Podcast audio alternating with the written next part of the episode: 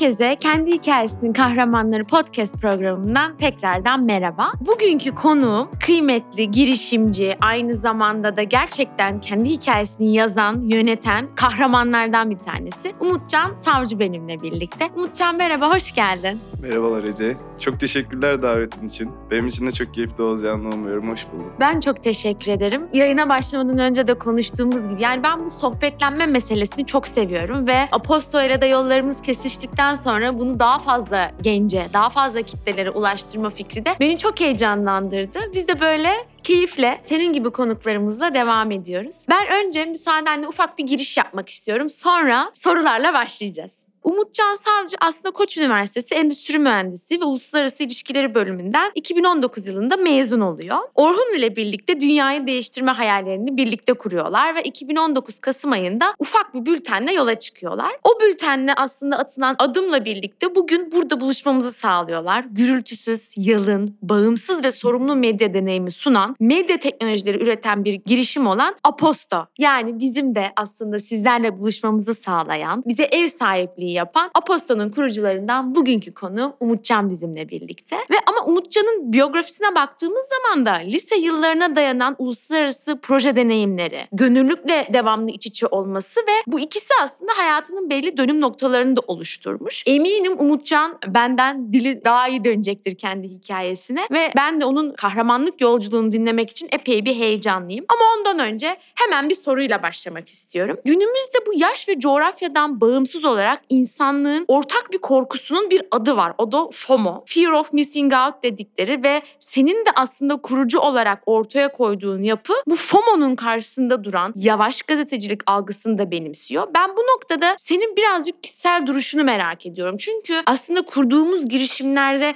kendimize ait çok ciddi imzalar oluyor. Kendi benliğimize, kendi varoluşumuza dair. Çünkü şeyi de biliyorum yani finans alanıyla ilgilisin ve finansla ilgilenirken de aynı zamanda da teknolojiyle de birlikte bu FOMO, finans, teknoloji üçlüsünün bir girişimci olarak bu ilişkileri nasıl yorumluyorsun ve bu döngüde kendini nasıl frenliyorsun? Birazcık böyle bu kavramlarla birlikte senden çıkan bu imzayı duymayı heyecanlanıyorum. Bunu böyle iki taraflı anlatabilirim. Biri benim hikayemle nasıl ilişkileniyor. Biri de aslında dünya tarihinde ve insanlığın kendi tarihinde bunu nasıl görüyorum. İlki benim hayata yaklaşımımla alakalı. Ben İzmir'de doğdum, büyüdüm ve çevremde sınırlı sayıda örnek alabileceğim, kendime rol model olarak seçebileceğim insanlar vardı. Ve onlarda hayat boyu en çok keşfettiğim şeyler bilgi olan yakınlıkları ve her zaman bir takım şeyleri öğrenmeye olan özenleriydi. Evlerinde her zaman bir masanın üstünde bir kitap bulunurdu. O kitap her zaman başka konular üzerine olurdu ve oraya gidip benden büyük olan o insanlarla onun üzerine 3-5 kelime konuşabilmek bana muazzam keyif verirdi ve bir süre sonra fark ettim ki o bilgiye sahip olanın bir masada gördüğü değer ve saygı benim hayatım boyunca kendimi sürüklemek istediğim yer aslında ve herkesin oturmak istediği farklı sandalyeler var ya da koltuklar. Bunlardan biri kimi zaman çok iyi bir arabanın koltuğu olabilir. Kimi zaman çok güzel bir evin boğaza bakan koltuğu olabilir. Benimki hep böyle etrafı kitaplarla sarılmış bir yerde tek başına üstünde bir tepe lambasıyla bir koltuktu çocukluğum boyunca. Dolayısıyla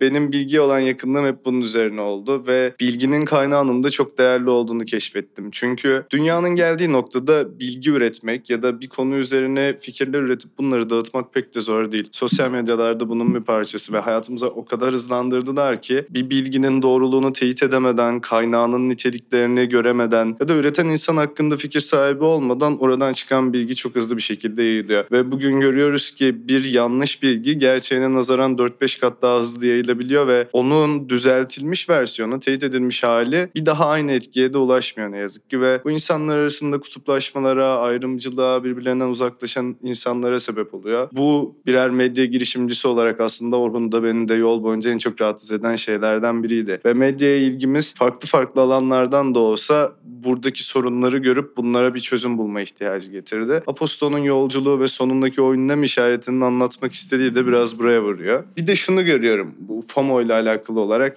insanlık tarihi boyunca insanların bir senkronizasyon ihtiyacı oldu. Bundan ne kastediyorum? Aynı anda aynı şeyleri bilmek ya da bir hikayeyi birbirine anlatabilmek ihtiyacı senkronizasyon. Ve bu aslında hierogliflerle başladı. Biri bir gün bir mağaraya gitti gitti ve daha önce gördüğü bir kurtla ya da bir ceylanla başına gelenleri aktarmak için bir duvarın üstüne resim yaptı. Ve onu başka birine o hikayeyi daha sonra orada bulunacak ve belki eş zamanlı olarak onun onu göremeyecek birine aktarmak istedi. Ama zaman içinde bu teknolojilerin gelişmesiyle ya da bir takım mucitlerin dünyaya etkileriyle de biçim değiştirdi. Ve televizyon, radyo gibi araçlar girdi hayatımıza. Bunlar daha kısa zamanlık dilimlerde senkronize olmamızı sağladı. Ve sonra internet teknolojileri yayıldıkça sosyal medyalarla birlikte hiper senkronizasyon haline aldı. Artık aynı anda aynı şeylere erişiyoruz ama aynı zaman diliminde baktığımız şeyler birbirinden farklı. Ve bu da bizi aslında birbirine yakınlaştıracağını umduğumuz bir şeyken bizi birbirimizden uzaklaştıran bir şey haline aldı. Ve gitgide gitgide daha kötü bir formu olduğunu görüyoruz ve FOMO da bunun bir parçası. Yani insanlar bu senkronizasyon halini kaçırmamak için başkalarıyla senkronize oldukları düşüncesiyle sürekli bu sosyal medyaların içinde bulunuyorlar. Buradaki bilgiyi tüketiyorlar ama bilgiyi değerlendirmiyorlar. Oradaki bilgiyi harcama hali var sürekli ve kaynaklar belli değil, üretenler belli değil, fikir beyan edenler belli değil.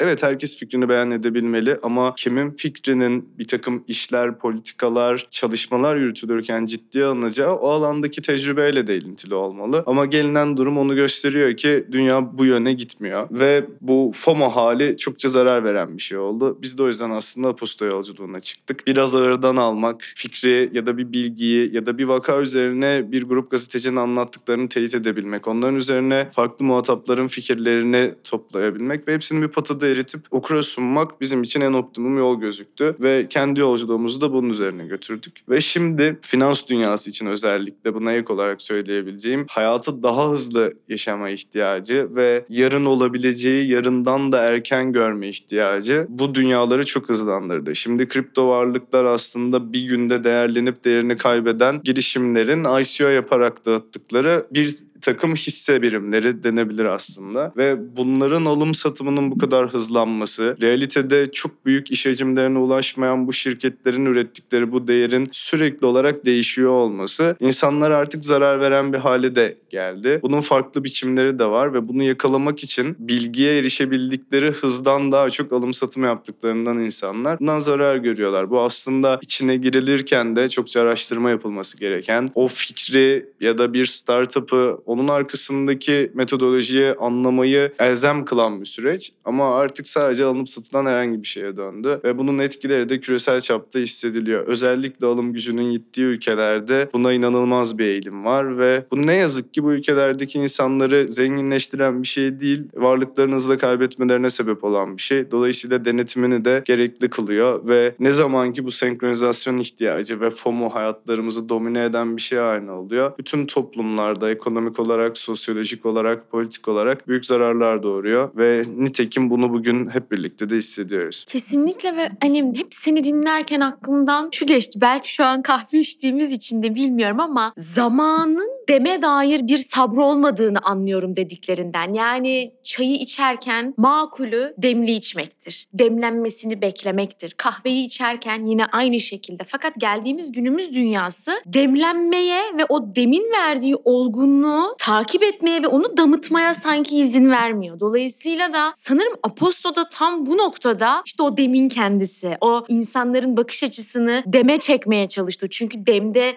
zaman var, demde birikim var, demde tecrübe var, demde lezzet var ve demde sürdürülebilirlik var. Lezzet aldığın bir şey içmeye ve aynı şekilde devam ettirirsin. Dolayısıyla da tam bir dem aklında böyle canlandı ve aynı zamanda da yine senin anlattıkların üzerinden de iki girişimcinin de bir ortak imzası olduğunu da anlıyorum. Yani hayata bakış açısı anlamında da. Tam da buradan yola çıkarken yani biraz dilimin döndüğünce bir giriş yapmaya çalıştım ama klasik biyografilerin dışında biraz şeyleri de duymak istiyorum. Yani Aposto bugün hepimizin sadece takip ettiği değil aynı zamanda içinde yer aldığı inanılmaz bir prestij noktasında da. E tabii Çok ki gerçekten öyle ve işte bu demin aslında bir taraftan da bir yansıması olduğunu düşünüyorum. O demin altında da inanılmaz bir emek var. Biz yayına geçmeden önce Umutcan'la böyle sohbetleniyorduk da işte çalışma tempolarımıza yönelik dinleyicilerimize de böyle biraz bir sufle vermek istedim ve konuştuğumuz saatler, çalıştığımız saatler çok da insani saatler saatler bazen olmayabiliyor ama kimse de bize bunu zorlamıyor. Kimse de bunu hadi yapacaksın demiyor. İçimizde öyle bir şey var ki duramıyoruz yani. Değişimin, dönüşümün tutkusu belki de bu. Belki de onun kası ama o yüzden buradan da yola çıkarak biraz şeyi toparlamam gerekirse sormak istiyorum. Ya seni daha yakından tanımak istiyoruz. Klasik biyografilerin dışında senden tanımak istiyoruz ve nasıl biri, onu bugün bu koltuğa oturtturan şeyler neler? Yani Umutcan bugün bu koltukta oturuyorsa onu tutturan o dem noktaları neler? Benim demim herhalde hayatta annem sanırım. Yani bambaşka ve duygusal bir yerden alıp ondan sonra kendi hikayemin üstüne koyacağım. Hayatta pek çok şeyi yaparken düşündüğüm hep bütün yolculuğum boyunca bunu yapsam eğer annem benimle gurur duyar mıydı oldu. Ve her zaman kendi içimde bir teyit mekanizması olarak bunu görüyorum. Kimi zaman bir şey çok sinirlendiğim oluyor ve yanlış tepkiler verebileceğim oluyor. Kimi zaman çok üzüldüğüm ve birilerini kırmaya yakın hissettiğim oluyor ve tekrar düşünüyorum. Ben bunu yaparsam eğer ve burada bir tepki gösterirsem, birini incitirsem, kalbini kırarsam, kötü bir söz söylersem benimle gurur duyulur muydu? Sonra bu hayatımda şöyle bir mekanizmaya döndü. Gurur duyulabilecek bir şey yapabilmek ancak bana öğretilen değerleri yaşatmakla mümkündü ve bu değerler hep çocukluğum boyunca iyi insan olmak, başka biriyle aynı masaya oturduğunda önce ben senin için ne yapabilirim diyebilmek ve hayatta hep temiz kalarak dürüstçe kendi işini idare edebilmekti. Bunları düşününce bütün yolculuğumu bunlar üzerine kafa yorarak geçirdim aslında. İlkokul yıllarından sonra İzmir'de bir liseye devam ettim. O lise yıllarında yolum muazzam bir insan olan Vicky Calderon'la kesişti. Vicky Hoca bulunduğum lisedeki fen bilimleri bölümünün başkanıydı. Ve o süreçte beni biraz daha bilim dünyasına yaklaştırdı. Aslında çocukluğumdan beri aklımda bir bilim insanı olmak ve bilimde daha önce yapılmamış bir şey yaparak insanlığın belki gidişatını değiştirebilme dürtüsü vardı. Ama Vicky Hoca ile tanışınca bu hayal daha elle tutulur bir hale aldı. Ve böyle 3 senelik bir periyotta farklı farklı projelerin içinde bulunmamı sağladı bir yandan. Ve gerçekten profesörlerin laboratuvarlarında bulunmamı mümkün kıldı. İşte bir dönem kanser genetiği üzerine çalıştım. Bir dönem biyoinformatik üzerine çalıştım. Bir dönem çeşitli bakterilerin popülasyon analizleri üzerine çalıştım. Ve hayalim insanlığın gidişatını değiştirecek ve özellikle kanser gibi, Alzheimer gibi, şeker hastalığı gibi bir hastalığa çözüm üretmekti. Ve bunu yaparken de hem biyoinformatiği teknoloji tarafında kullanabilmek hem de gerçekten laboratuvarda gerekirse gece gündüz verip orada lamların, mikroskopların arasında hayatımı geçirip o çözüme giden yola elimle de tasarlayabilmekti. Sonra üniversiteye geldim. Koç Üniversitesi'nde moleküler biyoloji ve genetiğe girdim aslında ilk başta. Ardından endüstri mühendisliğine geçtim. Geldiğimde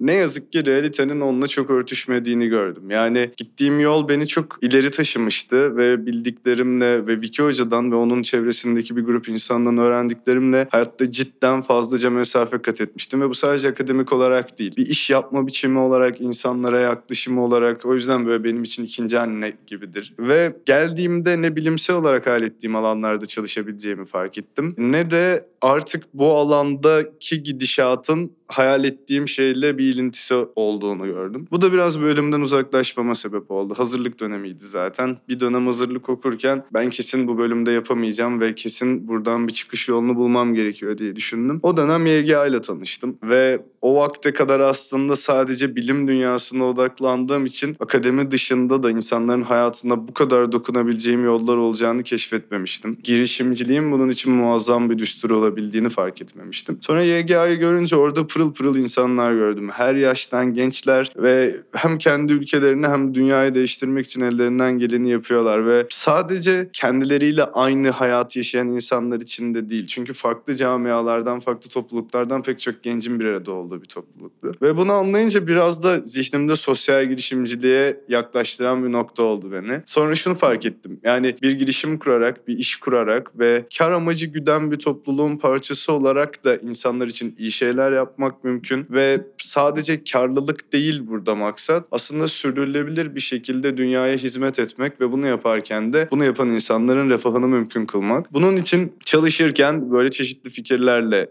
uğraştım zaman boyunca. Birkaç girişim denemem oldu. Çeşitli sosyal girişimlerin içinde bulunmaya çalıştım. Sivil toplumu da bir yandan çok yakından tanımaya çalıştım. Ve bunun için de aslında çeşitli maceralarım oldu. Girvak gibi, Lübnan gibi farklı farklı yerlere dokundu. Ve buradan olan öğrenimlerim her ne kadar daha önceki denemelerim başarısız olsa da yine çok büyük bir sosyal dürtüyle ortaya çıkmış Aposto'nun yoluna çok büyük katkılarda bulundu diye düşünüyorum. Yine seni dinlerken aklımda hep şu canlandı. Yılmaz yılmazlık var bu hikayede. Farklı bölümler, farklı alanları denemişsin E, ama günün sonunda bir misyonuna ulaşmak için ya da o misyon doğrultusunda yılmazlık yani sosyal çünkü Türkiye'de ne yazık ki şöyle bir şey var. Birçok sosyal girişimci 3 yıl sonra girişimlerini 3 yıl içinde daha doğrusu kuruyor, hayata geçiriyor ve sonrasında da devamını getiremiyor. Ve bundan sonra da yılıp tamam o zaman olmuyor demek ki deyip onlar için tırnak içinde biçilen yola girmek zorunda kalıyor ama sen bilimle başlamışsın. Sonra demişsin ki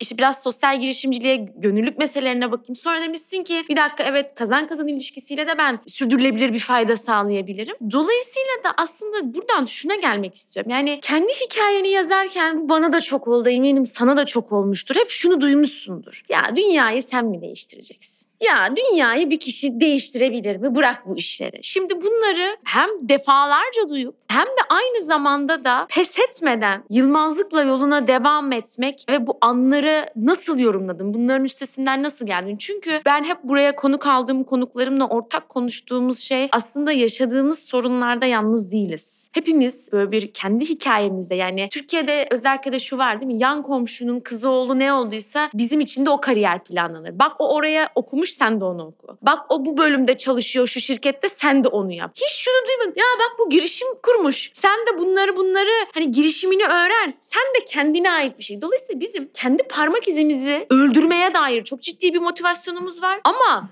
parmak izini cesaretlendirip ortaya çıkaranları da aşağı çekmek gibi bir şeyimiz var. Tüm bunların yanında inanılmaz bir girişimci ruhlu bir genç grubu da geliyor. Bir kuşak var. Birlikte de çalışıyoruz o kuşakla. Dolayısıyla buradan bizi dinleyenlere de bu kuşakta bizi dinleyenler aslında arasında. Dolayısıyla bu, bu bunlarla nasıl mücadele etti Umutcan? Yani hani çok kabul görmüş de bir bölüm okumuş bu arada. Yani onları bir kenara bırakmamış. Oradan aldıklarını buraya kesinlikle serpiştirmiş. Baharatları var apostolun üstünde ama nasıl bu mücadele süreci nasıl oldu? Yani hayatta bir işe kalkışırken onun sonuçlarının başta hayal edilen yere gidip gidemeyeceği konusunda emin olmak hiç mümkün değil. Hatta iki senelik bir maceranın ortasında bile bulunurken gerçekten hayal ettiğimiz o etkiye ulaştık demek belki de hiçbir zaman mümkün olmayacaktı diyebiliyorum şimdi bakınca. Ama bunları düşünürken hayat boyu hep aklımdan şu geçti. Eğer ki bunu başaramayacak olsam bile en azından başarmak için bütün hayatımı harcayabilirim. Çünkü tarih boyunca da pek çok başarı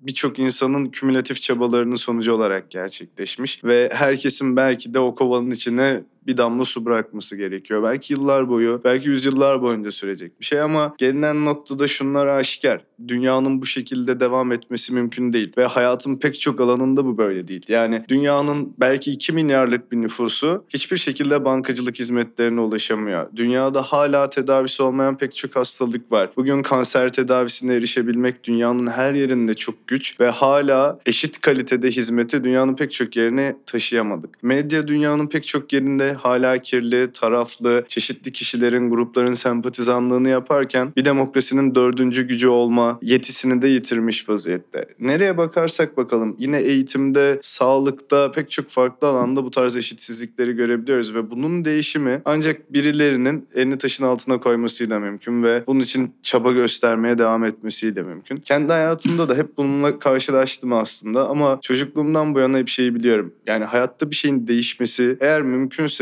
onun tek çıkış yolu benim çabamın orada olmasıdır. Ve bunu çocukluğumun çok erken noktalarında anladım aslında. Bunun sebebi de böyle ailemin sosyoekonomik durumu hep böyle bir sinüs fonksiyonu gibi gitgeller içinde oldu. Çeşitli şeylerden çok etkilenildi. Hele ki 96 doğumlu olunca bir takım demokratik meselelerin ülkedeki gelgitleri, onun ardından yaşananlar, ülkenin içinde bulunduğu bir takım kaoslar o dönemlerde çok etkiledi. Ve çocukluğum ve ilk gençliğimin başlangıç periyodu aslında. Böyle şoklar, krizler, bir takım ekonomik çalkantılar, o refahın aniden artışı ve aniden düşüşleri arasında geçti. Ve şunu fark ettim. Hayatta eğer önce kendi hayatımda sürdürülebilir bir şey olmasını istiyorsam ve ardından da insanlar için etkisi sürdürülebilir bir şey yaratmak istiyorsam bunun için tek çıkış yolu benim orada çaba sarf etmem. Ve hep bu düsturla çalıştım. Ve Aposto'yu kurarken de aslında bugün medyanın içinde olduğu vaziyetten memnun değiliz. Ve medya kuruluşları para kazanamıyor. O okurlarından para kazanamıyorlar en azından. Ve çeşitli meselelerden dolayı taraflılar, bağımsız değiller, hayatlarını sürdüremiyorlar. Gazeteciler yetişemiyor ve pek çok aslında medyayı demokratik bir unsur yapan şey çökmüş vaziyette. Ve bu sadece Türkiye'ye özgü bir durum değil. Amerikalarda da bu durum böyle, Avrupa'da da böyle. Dünyanın farklı yerlerinde bu mesele bu ciddiyette aslında. Ve burada pek çok emekçi var. Ve medya hayatlarımız için ve bir demokrasinin devamlılığı için de kaçınılmaz. Ve bu kadar kutuplaşmış bir dünyada her fikrin tek bir potada eritildiği, farklı bakışlarla aynı meseleye yaklaşan insanlara bir mikrofonun uzatıldığı bir medyum yaratmak da güç. Biz bunu yapabilir miyiz? Ve bu olacaksa ancak bizim çabamızda olabilir diye Aposto'ya kalkıştık. Ve bugün geldiğimiz noktada bunu gerçekten görüyorum. Yani o politik spektrumun farklı noktalarından kimseyi incitmeyecek, bir kişiye, gruba, yönelime, kimliğe saygısızlık etmeyecek herkesin fikrine burada mikrofon uzatıyoruz. O fikri ciddiyetle, büyük saygıyla ve üzerine düşünerek dinliyoruz aslında. Çünkü bence bir fikri sadece ciddiyet ve saygıyla dinlemek de yetmiyor artık. Onun üzerine düşünmek, kafa yormak ve haklı taraflarını görmek de gerek. Ve hayatta o beyaz ve siyahları artık aradan çıkarıp grinin farklı tonlarını biraz sunmayı arıyoruz. Böylece insanlar birbirlerine daha yakın hissedebilirler. Tekrar birbirlerini dinlemeye, birbirlerine tolerans göstermeye, aynı masada oturmaya, birbirlerini incitmeden bir takım şeyleri tartışmaya başlayabilirler. İşte bunun için de hem teknoloji üretiyoruz aslında hem de bir yandan bu içeriklerin ilk örneklerini de yapıyoruz. Bu da bence pek çok açıdan bir ilk. Bir şirketin hem kendi alanında belki bir gün rakiplerini de daha ileriye taşıyabilecek bir teknolojiyi üretmesi ve bir yandan da aslında o alandaki içerik bakımından ilk örnekleri de kendinin çıkarması. Bizim burada hayal ettiğimiz şu. Belki de bizim ürettiğimiz teknolojiyle birlikte kendi rakiplerimizi de yaratabilmek. Onların fikirlerini dinleyebilmek. Kimi zaman onlarla olan ama hiç kimsenin zarar görmediği o erişte daha iyisi için çaba sarf etmek ve günün sonunda insanların yankı fanuslarına hapsedilmediği, sadece kendilerini duymadıkları ve başkalarının fikirlerine de alan tanıdıkları bir gelecek yaratabilmek. O yüzden geçmişlerimizden gelenler, Orhun'un da hikayesine bildiğim için rahatlıkla söyleyebiliyorum. Hani hayatımızda bir şey değişecekse biz onu değiştirmeliyiz düsturu. Bugün Aposto'nun medya ve teknoloji tarafında yapmaya çalıştığının da bir parçası. Yani şahane gerçekten ve yine böyle dinlerken aklıma şey geldi. Yani dünya o kadar monolog süreçli bir iletişimde ki sadece çatışma halinde, sadece artık mesajlar kendini kaybetmiş durumda ses duyurma mücadelesi var ve bu ses duyurma mücadelesi de işte bugünkü biraz sosyal bilimler ruhum galiba kabardı. Kavgayı getiriyor tırnak içinde. Oysa biraz daha diyaloğu yaratabilmek için masanın etrafında, mümkünse yuvarlak bir masanın etrafında belli bir iletişim seviyesi ve terbiyesinde aynı derdi konuşalım. Diyalog ortamları yaratalım ve bu diyalogla birlikte aslında o zaman sanki önce dönüşüm sonra da değişim oluyor diye anlıyorum dediklerinden. Ve bunu da yapacak olan aslında bizleriz. Bu konuda da çok inanıyorum. Yani herkesin tırnak içinde bugün sosyal medyanın gücü mü, avantajı mı, dezavantajı mı tartışılır ama haber değeri taşıyan tırnak içinde bir potansiyel olduğuna baktığımız zaman buna biraz önce bahsettiğim diyalog terbiyesinde yaklaşabiliyor olmak gerçekten hem çok zor ama hem de inanılmaz bir duruş. O yüzden tekrardan iyi ki diyoruz. Ve hemen birazcık böyle bir araştırma yaparken takım arkadaşlarımla birlikte Ekşi Sözlük'te denk geldik sana. Ve Ekşi Sözlük'te şöyle bir entry var. Zeki biri olduğun dile getirmişler ve buradan da bu işte dünyayı sen mi kurtaracağım meselelerinden başlayarak aslında bir hayalle de başlayan bu yolculukta şunu sormak istiyorum. Hayal kurabilmek adına ve bir adım atabilmek adına illa da zeki olmak zorunda mıyız? Ve buradaki zekiliği kesinlikle kendini geliştirmiş olarak yorumluyorum ben. Ve Umutcan kendisini bu anlamda nasıl geliştirdi? Evet çok kitap okuduğunu ve çok hani bu anlamda böyle bir belli kendini anlatırken bir girişler yaptın ama nedir formülün? Yani çok sevindim önce böyle bir yorumla anılıyor olmama.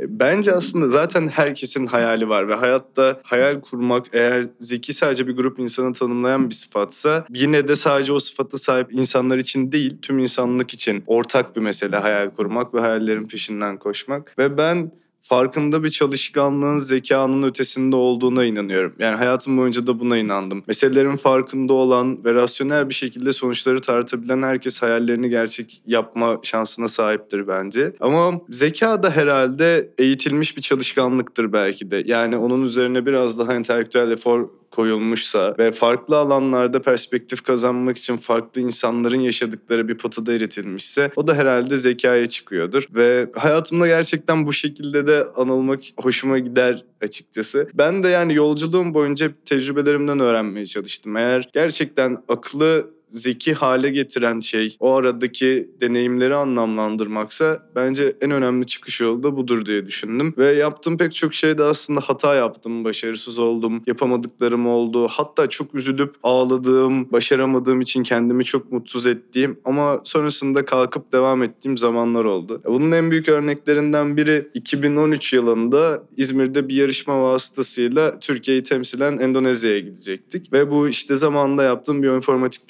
projelerinden biriydi. Bunun için sunum yaparken o kadar iyi olmayan o zamanlar İngilizce seviyemle bir İngilizce sunum hazırlamam gerekiyordu ve daha önce Türkçe olarak çeşitli akademik makalelerden, kitaplardan, profesörlerden dinlediklerimi aynı akademik karşılıklarıyla İngilizceye çevirmem ve bunu akıcı bir şekilde de anlatabilmem gerekiyordu. Ve inanılmaz zor bir süreçti. Yani bir cumartesi günü yaklaşık 20 defa bunu Wiki Hoca'ya sunduğumu hatırlıyorum. Ve böyle artık ben bunu yapamıyorum deyip ağladığım, böyle çaya kahveye çıkıp 10 dakika sonra geri dönüp sıfırdan her şeyi tekrar düşündüğüm zamanlar vardı ama o dediğim pes etmemek, tekrar geri dönüp ben bunu yaparım, öyle ya da böyle ben bunu yaparım. Şu an olmasa da bir süre sonra yaparım. Düsturu hep böyle aklımda kaldı. Herhalde aklımı bir zeka olmaya götüren şey eğer ki böyle bir şey varsa. O da böyle zihnimin içinde hep dönen ve kimi arkadaşım eğer bunu dinlerlerse hatırlayacaklar bu sözü. Zoru hemen yaparız, imkansız zaman alır şeydi. Bu benim için cidden çalışan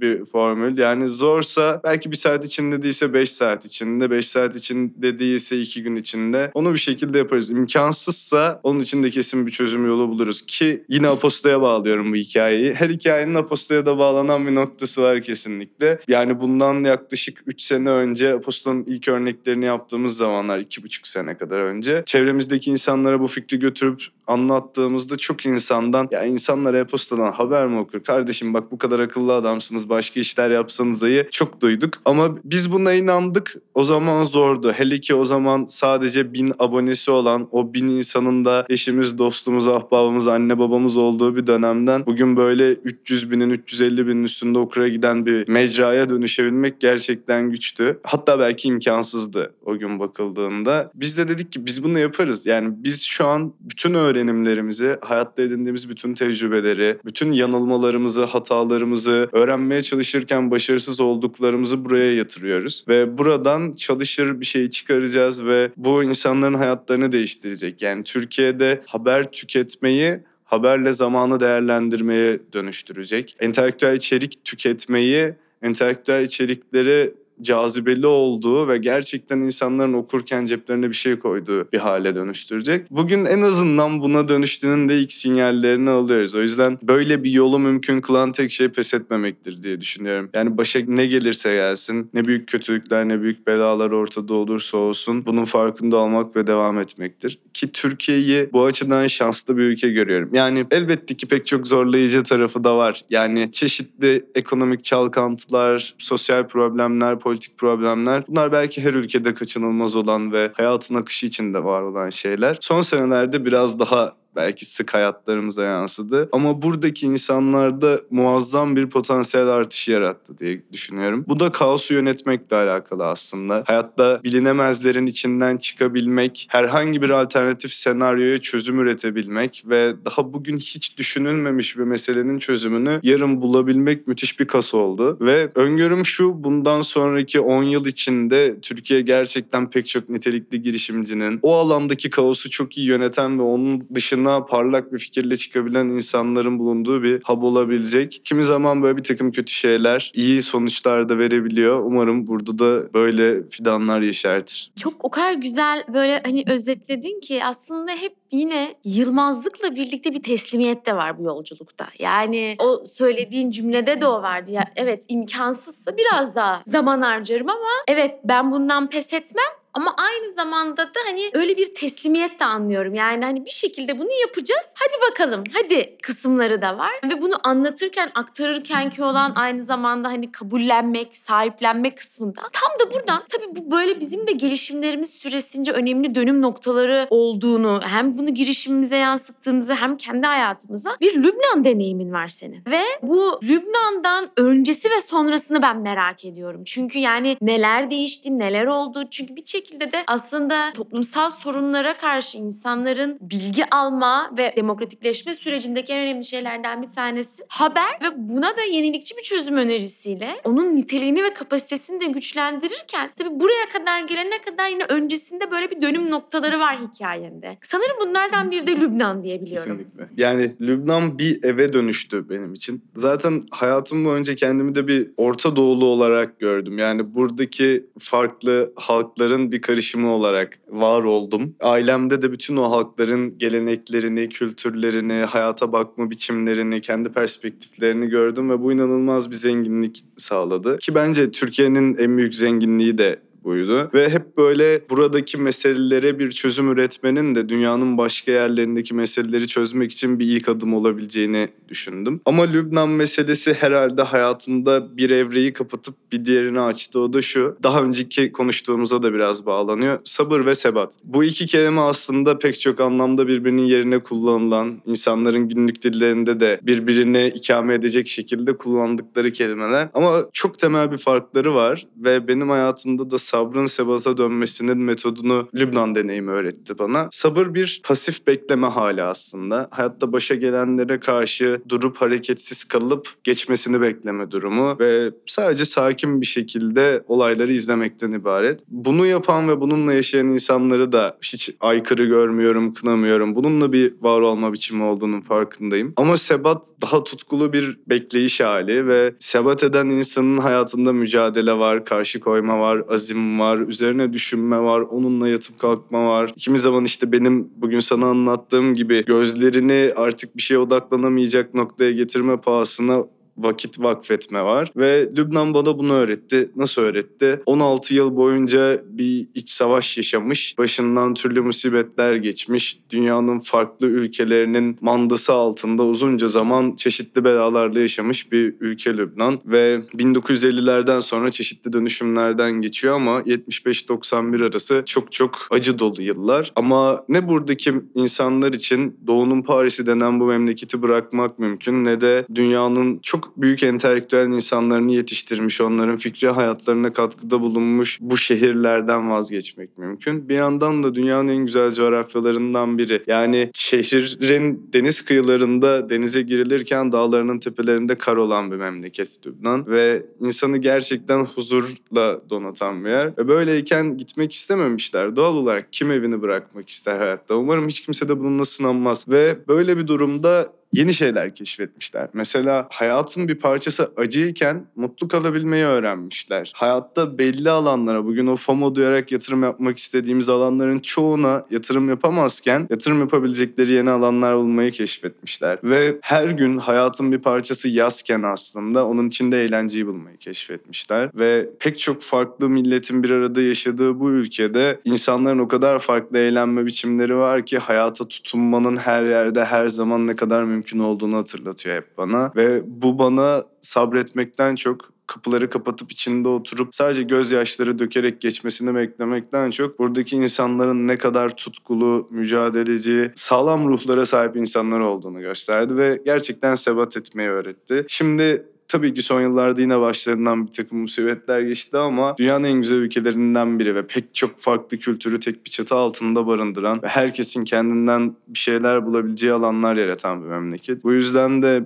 benim yolculuğuma da çok katkısı oldu. Ve oraya gitmekteki niyetim aslında bir sosyal girişimci olarak sivil toplumun özellikle orta sınıfın yok olmakta olduğu ya da çok küçük kaldığı ülkelerde nasıl işler yapabildiğini tespit etmekti. Çünkü bir sosyal girişimim vardı Help isimli ve o hem gönüllüleri hem şirketlerin CSR departmanlarını hem de bir grup sivil toplum kuruluşunu tek bir medyumda bir araya getirmek için kurulmuş bir alandı. Ve bunun üzerine bir takım crowdfunding metotları, kitlesel fonlamanın ulaşabileceği çeşitli metotlar ve projeler üzerinden var olmayı planlıyordu. Her ne kadar başarısız olsa da bana hayatta o süreç çok şey öğretti. Ve Lübnan bunun için gittiğim arayışın içinde bana aslında medyanın orta sınıfın gelişmesi için, orta sınıfın var olması için, bir demokrasinin çalışması için de ne kadar mühim olduğunu da anlattı bir şekilde. Çünkü aktif ve fonksiyon gösteren medya kuruluşlarının azlığı memleketteki insanların Lübnan için sadece kulaktan dolma bilgilerle ya da birbirlerine aktardıklarıyla hayatta kalmalarını ya da meseleleri kavramalarını sağlıyordu. Tabii ki çeşitli yolları çoktan keşfetmiştiler kendi aralarında ve onun ardından bu ülkedeki devrime yol açan süreçte zaten WhatsApp mesajlarının vergilendirilmesi üzerine başladı. Dolayısıyla oradaki tecrübem benim hayatımda böyle vazgeçilmez bir yeri olan, Lübnan'ı benim için ikinci bir ev yapan ve herkese gidip bir defa görmeyi tavsiye ettiğim bir ülke tecrübesine, bir seyahat tecrübesine dönüştürdü. Oradaki 6 ayım çok çok değerli benim için. Şahane yani ben hep şey savunuyorum yani ne kadar şu an o sosyal girişimin devam etsin etmesin ama oradaki birikimler günün sonunda seni buraya getirmiş. O yüzden de ben ülkelerin de şehirlerin de bu işte aha moment dediğimiz o fikrin bir anda yanması ve hani o aydınlanma şeyine çok etkisi olduğunu düşünüyorum. Benim için de Ürdün öyle olmuştur. Ürdün'de sosyal benle birlikte orada bir saha çalışması yapmıştım ve körü körüne aşık olduğum alanın yani hem sosyal girişimcilik hem sivil toplum bir anda tokatlanıp bir dakika neredeyim ne oluyorum deyip bir parçada zaman içinde eleştirel tarafını da sahiplenmemi sağlamıştır. O yüzden de Ürdün'de benim yani dengeyi kurmamı, fanatizminden alanın uzaklaşmamı sağlamıştır. O yüzden böyle sen bunları anlatırken ben de biraz oralara gittim. Tam da buradan yola çıkarak da şunu da sormak istiyorum. Yani bir taraftan da tabii o apostoyla yaptığın şey çok objektif bir dengelenme mekanizmasının üstüne kurulu. Yani hem işte kendi hayatındaki eminim süreçlerde döndür. Yani hem öbür ucunu bilmek hem diğer ucunu bilmek ikisinin ortasında bir denge yaratabilmek. Tam da bu noktada şunu sormak istiyorum. Yani burada tabii ki teşhis, tanı ve tedavinin gözlemi, adını koymak ve aksiyona geçmek çok önemli. Burada sen bu süreci nasıl yürütüyorsun? Yani ortaya 2 milyon değerlemeye sahip olan bir yapı çıkıyor ve bu yapı %100 hani böyle bir objektif şeyin üstüne kurulmuş ama aynı zamanda da hani diğer tara- hani pozitif ve negatif dengeleri de bir taraftan korumaya çalışıyor. Dolayısıyla da bir teşhis, tanı ve tedavi yöntemini merak ediyorum ki bugünkü apostoyu bugüne getirdi ve hem de bunları yaparken de kendi tarafındaki o denge mekanizmanı kendi hikayenin kahramanı olan bir Umutcan olarak nerede nasıl dengeleyerek koyuyorsun? Yani medya için aslında meseleler biraz acayip. Çünkü hani objektif olmak bir düstur ve Aposto'nun da gerçekten pek çok modeli üstüne inşa ettiği bir düstur. Ama şunu biliyoruz. Her ekipte bulunan sınırlı sayıda insanlar var. Bu insanların kendi şahsi fikirleri, ideolojileri, hayat görüşleri var ve bunun etrafındaki bir takım üretimin de tamamen objektif olması kaçınılmaz. Bu ancak çok seslilikle mümkün olabilir. Bu ancak insanları yankı fanuslarına hapsetmeden olabilir. Bu ancak herkese kendi gibi düşünenlerin fikrini önermeyerek olabilir. Aposto'da kurmaya çalıştığımız model biraz bu aslında. O yüzden sadece bir medya değil ya da sadece bir teknoloji şirketi de değil. İkisinin karma olduğu bir metot üretmeye çalışıyor ve dengeyi de burada buluyor. Ne %100 bir teknoloji şirketi ne %100 bir medya şirketi ve medyayı güçlendirmek için teknolojinin kaçınılmaz olduğunu görüyor ve teknolojinin anlamlı işler üretebilmesi için de medyanın kaçınılmaz olduğunun farkında. O yüzden süreç boyunca en çok yaratmaya çalıştığımız şey çok sesli bir ortam, ve bu ortamın içinde doğru algoritmaları da yaratarak insanların her fikre aşina olmasını sağlamak. Çünkü sosyal medyalar hayatımızı öyle bir noktaya getirdi ki kendimizden başka hiç kimsenin sesini duymuyoruz. Kazara bir politik görüşe sahip bir medya kuruluşunun bir tweetini favorilerimize aldığımızda artık ondan başka hiçbir şey görmüyoruz. Ya da aynı politik çerçeveden bakan diğer yayın kuruluşları dışında hiçbir şey önümüze düşmüyor. Yanlışlıkla bir politik figürü like'larsak eğer sadece o ve ona benzer şeyleri söyleyen insanları görüyoruz. Ve böyle hayatımızı tek tip düşündüğümüz, başkalarına asla tahammül edemediğimiz bir yolculuğa sokuyor. Bunun için Pew Research Center'ın 2015'te yaptığı bir araştırma var. Daha önceki araştırmaların üstüne koyarak bunu yapmışlar. Ve 2000'lerin başından 2015'e kadar nasıl bir dönüşüm oldu olduğunu gösteriyor. İnsanların politik spektrumun farklı yerlerinden birbirlerine bakışlarında ve çıkan sonuç bence korkutucu. Yani bu vakte kadar tasarladığımız modellere geri bildirim verirken, onları üretirken, yaratırken en çok aklımdaki şey bu ve ekibime de sık sık tekrarladığım bir şey. Daha önce muhafazakarlar ve yani cumhuriyetçiler ve demokratlar Amerika'da seçimlerde birbirlerine çok daha yakın bakıyorlarmış ve bir cumhuriyetçiye demokrata da ne kadar oy verebileceği ihtimali sorulduğunda belki onu %30 %20 görebiliyormuş ve bunlar iki dağılım halinde ayrıldıklarında tepe noktaları birbirine çok yakınmış. Ama 2015'teki sonuçlar korkunç. Çünkü iki grafiğin dip noktaları bile birbirinden ayrık. Bu şu demek. En ılımlı demokrat, en ılımlı cumhuriyetçiyle bile aynı masada oturmak istemiyor. En ılımlı demokratın en ılımlı cumhuriyetçiye tahammül yok. En ılımlı cumhuriyetçi en ılımlı demokratı asla dinlemek istemiyor. Ve dünyanın böyle bir yer haline gelmesinde bugün hayatlarımızdaki kaçınılmaz olan o like butonunun yeri de çok büyük. Biraz bu işte social lema'ya da göz kırpıyor bu sohbetimiz. Orada görünen aslında insanlık için birbirine destek olmak, mutluluk sağlamak, bir omuz verebilmek için kurulmuş bir mekanizmanın bizi nasıl sadece kar odaklı işler etrafında bir şey hapsettiğini anlatıyor. Ve bunu birazcık kırmak istiyoruz. İnsanlara sadece kendi görüşlerinden, kendi bakış açılarından, kendi yaşayışlarından fikirler, yazılar, içerikler ulaştırmak değil derdimiz. Başka bir görüşü de bak dünyaya bir de buradan bakan bir insan var. Hayatını bir de bu şekilde yaşayan insanlar var diye aktarabilmek. Bunu yapabildiğimiz zaman gerçekten medyada büyük bir devrim başarmış olacağız. Ve bunun bugün Netflix tarafından, HBO tarafından, Amazon Prime tarafından başarıldığını da görüyoruz. Dünyanın farklı yerlerindeki farklı insanlara bak işte böyle bir kültür var ve senin içinde bulunduğun bu kültüre hiç benzemiyor. Çünkü bunun normlarını başka bir grup insan daha evvel oluşturmuşken seninkinin normlarını da başka bir grup insan oluşturdu ve değer sistemlerinin birbirinden farklı olması çok mümkün. Yani ömrü boyunca hiç hipopotam görmemiş bir toplumun hipopotamların yaşamına büyük değer gösterecek bir norm inşa etmesi de mümkün değil. Biraz insanlara hipopotamlar da vardır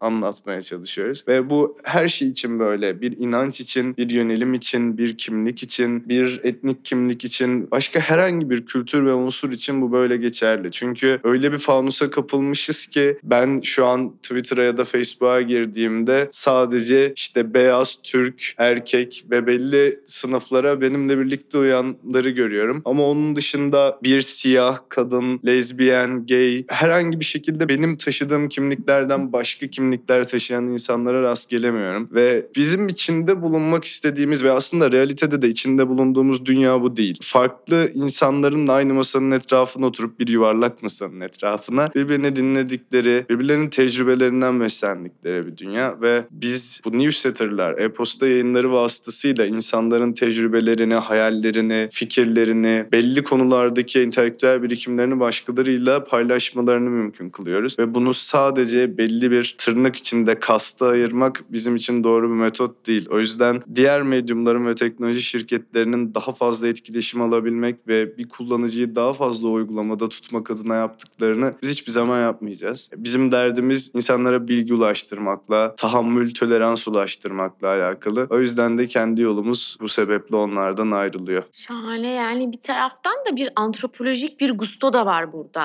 Yani bu antropolojik gustoda da hani bize hep hocalarımız şey derdi. Yani bir sahaya çıktığınız zaman ben sosyoloji okudum. Şimdi antropoloji doktoranın artık sonundayım. Sahaya çıktığınız zaman duvardaki sinek olacaksınız derdi. Yani orada olduğunu bilecek ama onun içine de karışmayacaksın derdi ve öyle gözlemleyeceksiniz ve sahanızı öyle analiz edeceksiniz. Ancak o zaman hem sahadan olmazsınız hem onlardan olmazsınız. Araştırmanızı yapabilirsiniz. Hem de araştırmacı kimliğinizi iyice kapanıp oranın gerçeklerini göz ardı etmezsiniz derdi. O yüzden bu antropolojik gustoyu ben burada da çok seviyorum. Tam da buradan yola çıkarken yani dünyanın bugününü, geçmişini birazcık hani Aposto'nun bu vizyonuyla da birlikte aslında haberi tüketmeyelim. Haberden bir aslında kendimize bir öğrenim, kazanım elde edelim tarafından tarafından da yola çıkarak çok da uzağa gitmeden 2030'da nasıl bir dünyada yaşarız? Yani ben Oxford'da bir senaryo planlaması eğitimine gitmiştim ve bize demişlerdi ki ilk gün kendi kurumunuzun 50 yıl sonraki felaketini yazın. Felaket çünkü yani bunu düşünmek bile bir felaketti ama artık bu felaket senaryoları pozitif ve negatif tarafta hani çok diri ve çok hayatımızın içinde. Dolayısıyla sen de Aposto'daki şapkanı taktığın zaman 8 yıl sonra 2030'da bizi nasıl bir mecra, nasıl bir dünya ve bu dünyada dünyada neler üreten bir aposto bekliyor olacak? Güzel soru.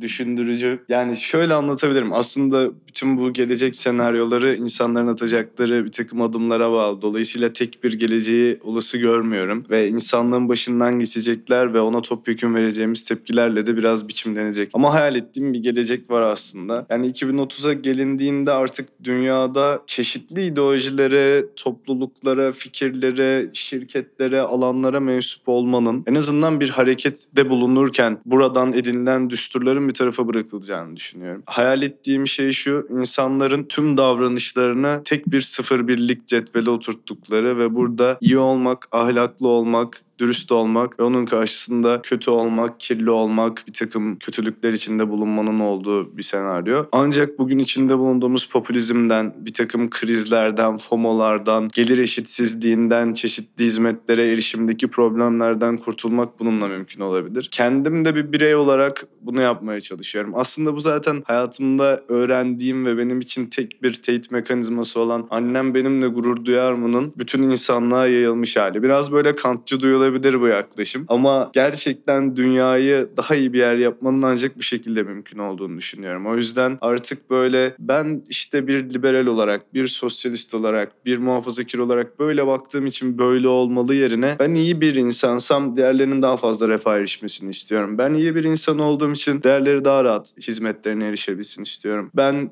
iyi bir insan olduğum için ne bileyim bir takım mekanizmalar devletler için, hükümetler için daha işler olsun, denge denetim var olsun, medya kuvvetli olsun, sağlık erişilebilir olsun istiyorum, hayal ediyorum ve karar alma mekanizmamızın buna dönmesi insanlık için gördüğüm tek çıkış yolu aslında. Bunun içinde elbette insanların inançları, kültürleri, ideolojileri, politik perspektifleri var olmalı ve bunlar anlatılmaya devam etmeli ve yaşayışlarında değerli bir yer tutabilmeli. Ama bunların karar alma mekanizmaları içinde giderek daha az yer tutacağını umuyorum. Böylece sadece insan olmak ve insan için bir şey yapabilmek daha büyük yer kazanacaktır. Onun dışında tabii ki teknolojinin ve özellikle pandemiyle hızlanan hayatlarımızın bir takım getirileri olacağını da öngörüyorum. Bu büyüme ve insanlığın son 120 yıldır içinde bulunduğu gelişme süreci bir takım şeyleri de kaçınılmaz kılacak. Artık refahın dağıtımı konusunda devletlerin ya da devletler üstü organizasyonların da bir takım görevler alabileceğini de öngörüyorum. Bunun için Universal basic income dedikleri tüm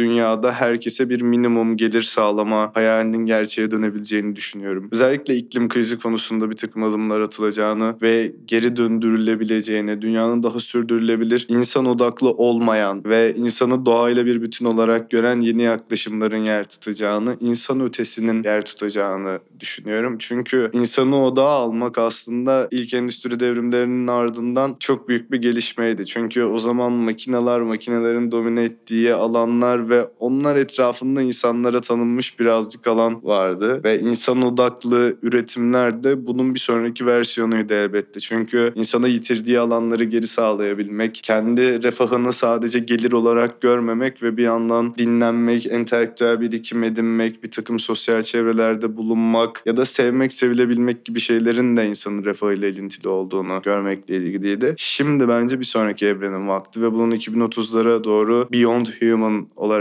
aslında hayatımıza gireceğini düşünüyorum. O da artık sadece insanı merkeze koymadan insanın da faydalanabileceği ve müreffeh bir şekilde yolculuğunu sürdüreceği ama içinde kuşa, böceğe, yılana hepsine alan tanınan yeni formlar üretmesi gerektiğini farkındayım. Eğer bu olmazsa bu da kötü senaryo aslında. Topluca felaketimizi yaratmış olacağız ama bunu yaratabilirsek eğer gerçekten daha huzurlu, kendini var etmiş, daha sürdürülebilir hayatlara sahip insanlar olacağız. Bu geçişin biraz zor ve sancılı olacağını da farkındayım dünya için ama biraz kaçınılmaz. Yani şehirlerin içinden artık fabrikaların çıktığı, 4-5 şeritli yolların ortadan kalktığı, bu kadar büyük beton kulelerin olmadığı, insanların bu alanlara yeşili, hayvanı, diğer canlıları daha çok kattığı bir dünya hayal ediyorum. Yoksa içinde pek yaşamak isteyeceğimiz bir yer olmayacaktır. Kendi sonumuzu kendimiz hazırlayacağız gibi bir şey olacak. Bakalım ben de senin o kadar çok katılıyorum ki tam da bu noktada aslında böyle sohbetimiz sohbetimiz de çok güzel gidiyor ama sana doğru da yaklaşmanın bir hüznüyle bizim böyle hem dinleyicilerimizin tadı damağında kalsın hem de bir taraftan da ya şahane konular konuşuyoruz ama böyle kapanışı da bir magazinsel bonus soruyla yapalım istiyoruz. Tamam. Ve böyle önümde 15 tane soru var. Ben şimdi bir tanesini seçip sana onu sormak istiyorum. Tamam. Ve kapanışı da böyle yapalım istiyorum. En son ne zaman harika bir yemek yedin? Ne yedin ve kiminle yedin? En son dün akşam harika bir yemek yedim. Kız arkadaşımın annesinin çocukluk arkadaşına davetliyelim. Ve inanılmaz bir tecrübe aslında. Bilmiyorum podcast'in konusu olabilecek bir şey midir ama böyle başka bir aile tarafından ve çok değer verdiğim insanın ailesi tarafından kabul görüp onların yaşantılarının bir parçası olabilmek bence yenilen zaten ne olursa olsun onu çok keyifli kılan ve lezzetine doydurmayan bir form aldırıyor. Ama gerçekten yemek de çok lezzetliydi. Sohbetler, hayata dair, geleceğe dair konuşmalar ve yemeğin biçimi pek çok şey vardı aslında ama çok lezzetli bir somon ve tatlı patates vardı ve inanılmaz keyifliydi. Ve işte kız arkadaşımın artık teyzesi diyebileceğim Mine teyze vardı. Burak abi vardı ve Hande abla vardı. Onlar da kuzenleri kız arkadaşımın. Ne yazık ki anne babası katılamadılar Covid oldukları için. Şansın. Ama umarım çok kısa zamanda atlatacaklar. Çok teşekkürler ve yani onlar da bir FaceTime üzerinden katılmış oldular. Ama bu benim böyle hafta sonuna olan enerjimi de artırdı. Bu da magazinsel bir Evet. Tam istediğim yanıt oldu bu da. Çok teşekkür ediyorum. Ağzına sağlık. Ben teşekkür ederim. Şahaneydi. Çok keyifliydi. Çok şahaneydi. Nasıl aktı zaman gitti gerçekten anlamadım ve çok çok güzeldi. Ayağına sağlık. Çok teşekkür ediyorum. Ben çok teşekkür ederim. Emeğinize sağlık. Muazzam sorulardı. Ben de böyle hep geriye gittim. Tekrar bugüne geldim. Çok çok keyifliydi. Teşekkür ederim davetiniz Biz çok teşekkür ederiz.